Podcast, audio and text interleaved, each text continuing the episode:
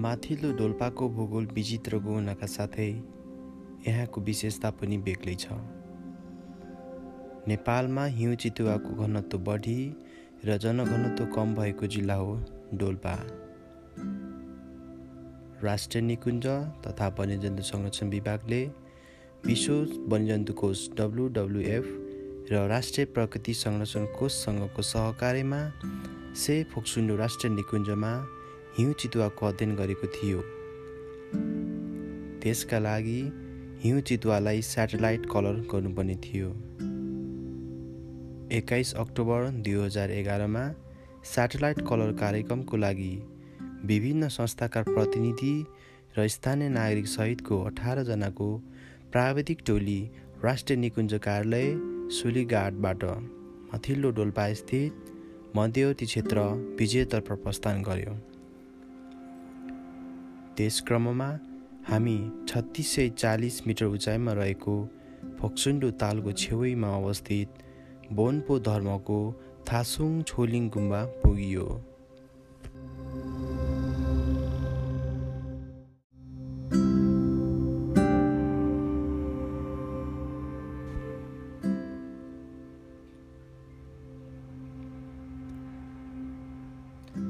थासुङ छोलिङ गुम्बा सन् पन्ध्र सय चौहत्तरमा वन्यजन्तु संरक्षण गर्नको लागि स्थापना भएको लामा गुरुले बताउनुभयो। गुम्बाको नामको अर्थ गजबको रहेछ। छो भन्नाले तालको छेउ र सुङ भन्नाले सुरक्षा। गुम्बा नजिकैको सल्लाहकारी वन कस्तुरी मृगको लागि राम्रो वासस्थान मानिँदो रहेछ।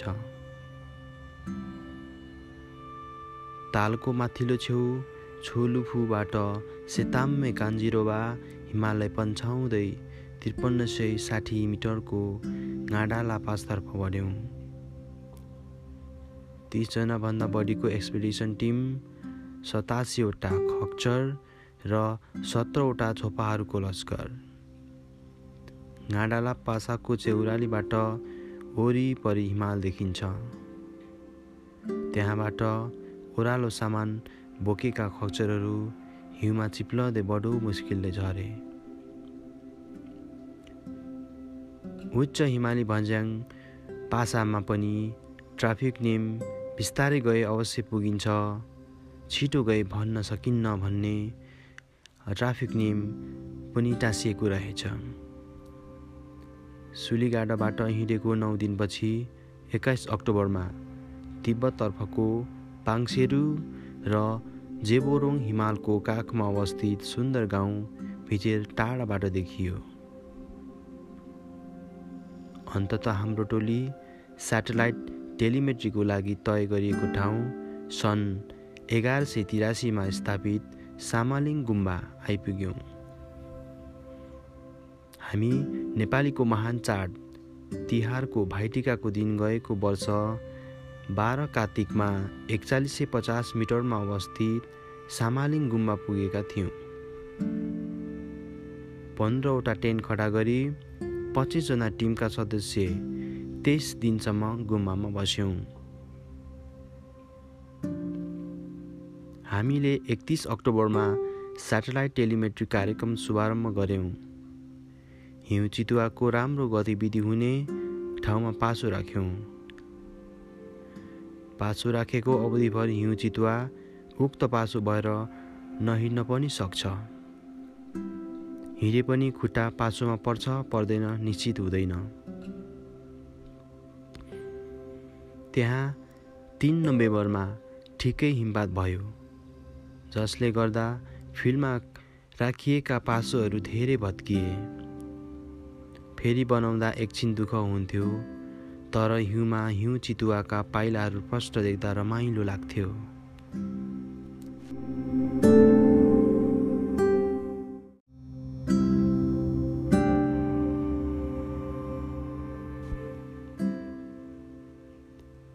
सामालिङ गुम्बा करिब पन्ध्र सोह्र वर्षपछि ठुलो पूजा आयोजना हुँदै थियो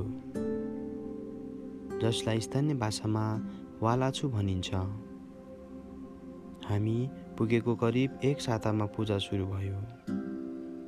भिजेर सालदाङ र फोक्सुन्डोबाट दुई सयभन्दा बढी भक्तजन पूजामा सहभागी भए। सामालिङ गुम्बाका मुख्य लामाज्यूले पूजा सकिएपछि हिउँ चितुवा पासोमा पर्ने बताउनुभयो। त्यसको तेह्र दिनपछि अर्थात् सोह्र नोभेम्बर बिहान करिब छ बजेतिर चाकर्बो ट्राप स्टेसनको सिग्नल पोजिटिभ आएको खबर टावरबाट प्राप्त भयो। लगभग साढे सात बजे जेवरोङ हिउँ चितुवा संरक्षण समितिका अध्यक्षले टावरलाई हिउँ चितुवा परेको खबर दिनुभयो। हामी सबैको वाकेटकीमा भन्कियो। उक्त आवाज सकिन नपाउँदै हामीले उत्साहित हुँदै एकअर्कालाई अँगालो हाल्यौँ। हाम्रो प्राविधिक टोली हतार हतार चाकर्पोतर्फ लाग्यो। हिउँ चितुवाको अगाडिको खुट्टा पासोमा परेको थियो। त्यो हिउँ चितुवा अतालेको अवस्थामा धोपीको बुट्यान वरिपरि फन्को लगाइरहेको थियो। सुरुमा प्राविधिक टोलीले हिउँ चितुवालाई औषधिको प्रयोगले लट्यायो त्यसपछि सेटेलाइट जिपिएस कलर घाँटीमा लगाउने शरीरको मापन गर्ने र भाइटल र नमुनाहरू लिने काम भयो। सबै काम एक घन्टाभित्र सकाई उक्त हिउँ चितुवालाई एन्टिडोट लगाइसकेपछि हामी सबै त्यहाँबाट टाढा लाग्यौँ। त्यस लगत्तै हिउँ चितुवा उठेर बिस्तारै अघि बढ्यो। केही समयपछि सय मिटर टाढाको खोजभित्र छिरेर हरायो। यसरी प्रथम पटक डोल्पामा सफलतापूर्वक हिउँ चितुवामा सेटेलाइट जिपिएस कलर जडान सम्पन्न भयो। जिन्दगीमा पहिलो पटक हिउँ चितुवा देख्दा म धेरै उत्साहित थिएँ। माया भावले हिउँ चितुवालाई दर्शन गरी उसको जुङ्गा मुसार्दाका ती पल मेरा मानसपटलमा कहिल्यै नबिर्सिने मिठो सम्झना भएर बसेको छन्।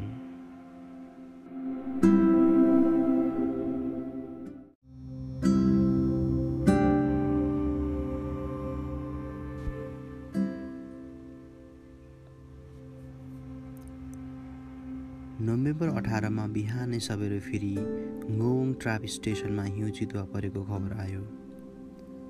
पहिलेको हिउँ चितुवा पासोमा परेको स्थान चाकर्बो र मुयोङको दूरी झन्डै साढे एक किलोमिटरको थियो।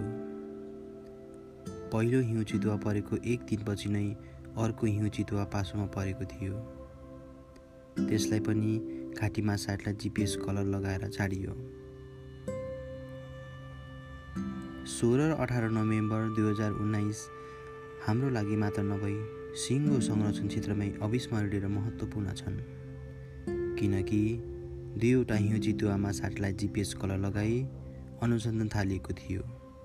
सेटेलाइट जिपिएस कलर लगाएका हिउँ चितुवाको नाम जेओरोङ हिउँ चितुवा संरक्षण समितिले जेओरोङ र सामलिङ राखेको थियो। यी नाम गाउँ र गुम्बाको सम्झनामा राखिएको थियो। कार्यक्रम समापनपछि जुम्लाका खस सिन्धाली राजा सोनाम देले भिजेरमा बनाएको नौ सय वर्ष पुरानो नासार गुम्बा हेर्न पाइयो। यो अरू गुम्बाहरूभन्दा भिन्नै शैलीको थियो। गुम्बाका प्रमुख लामाले हिउँ चितुवा र नाउसँग जोडिएका रोचक सत्य कथाहरू बडो मजाले सुनाउनु भयो धेरै वर्ष पहिले पुरानो नासार गुम्बामा पूजा हुँदै गर्दा गुम्बाबाट मण्डल हराएछ। त्यहाँ हिउँ चितुवाको पाइला देखिएछ। गुम्बाको तल खोलामा हिउँ चितुवाले मण्डला मुखमा च्यापिरहेको रहेछ। तर मण्डलाई नजाँदा हिउँ चितुवाले भुइँमा नराखा सारिकन मुगुको डोल्फुसम्म पुगेछ।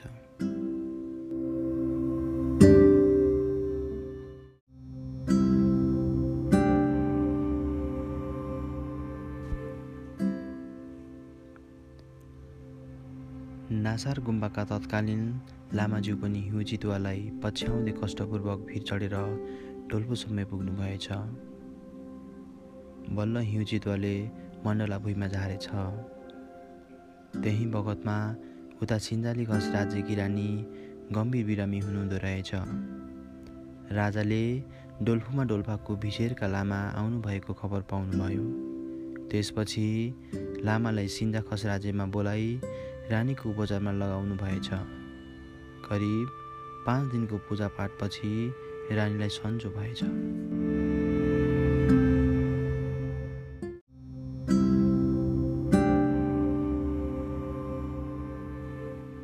त्यही खुसीमा राजाले लामाज्यूलाई गुम्बा बनाइदिने घोषणा गर्नुभएछ। राजाले भिजेरबाट आउने कर तिन वर्षको लागि त्यस गुम्बा निर्माणमा खर्च गर्न आदेश दिनुभएछ।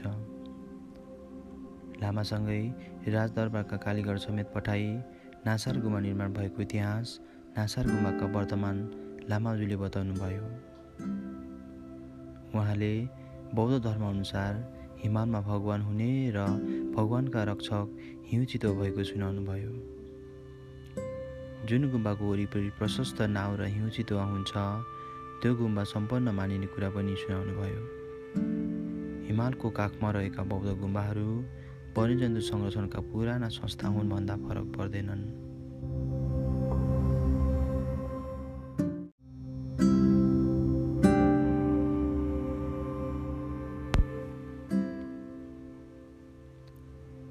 भिजेरको भूगोल विकट हिउँदमा सुक्खा र उराट लाग्दो भए पनि बस्तीहरू सुन्दर छन्। स्थानीयको सहयोग सद्भाव र हिउँ चितुवाको संरक्षणप्रतिको लगाव प्रशंसनीय छ। स्थानीय युवाहरू जो नागरिक वैज्ञानिकको रूपमा विभिन्न हिउँ चितुवा संरक्षण उपसमितिमा रहेर संरक्षणमा खटिन्छन् उहाँहरूको जोस जागर र संरक्षणप्रतिको भावना बढ्दो छ। हिउँ चितुवा संरक्षणमा नेपाल सरकारको नेतृत्वदायी भूमिका उदाहरणीय छ। विशेष गरी राष्ट्र निकुञ्जका अधिकारीहरूको फिल्ड स्टरको नेतृत्व सराहनीय छ। करिब तेइस दिनको सामलिङ गुम्बा बसाएपछि हामी सुलीघाट फर्कियौँ।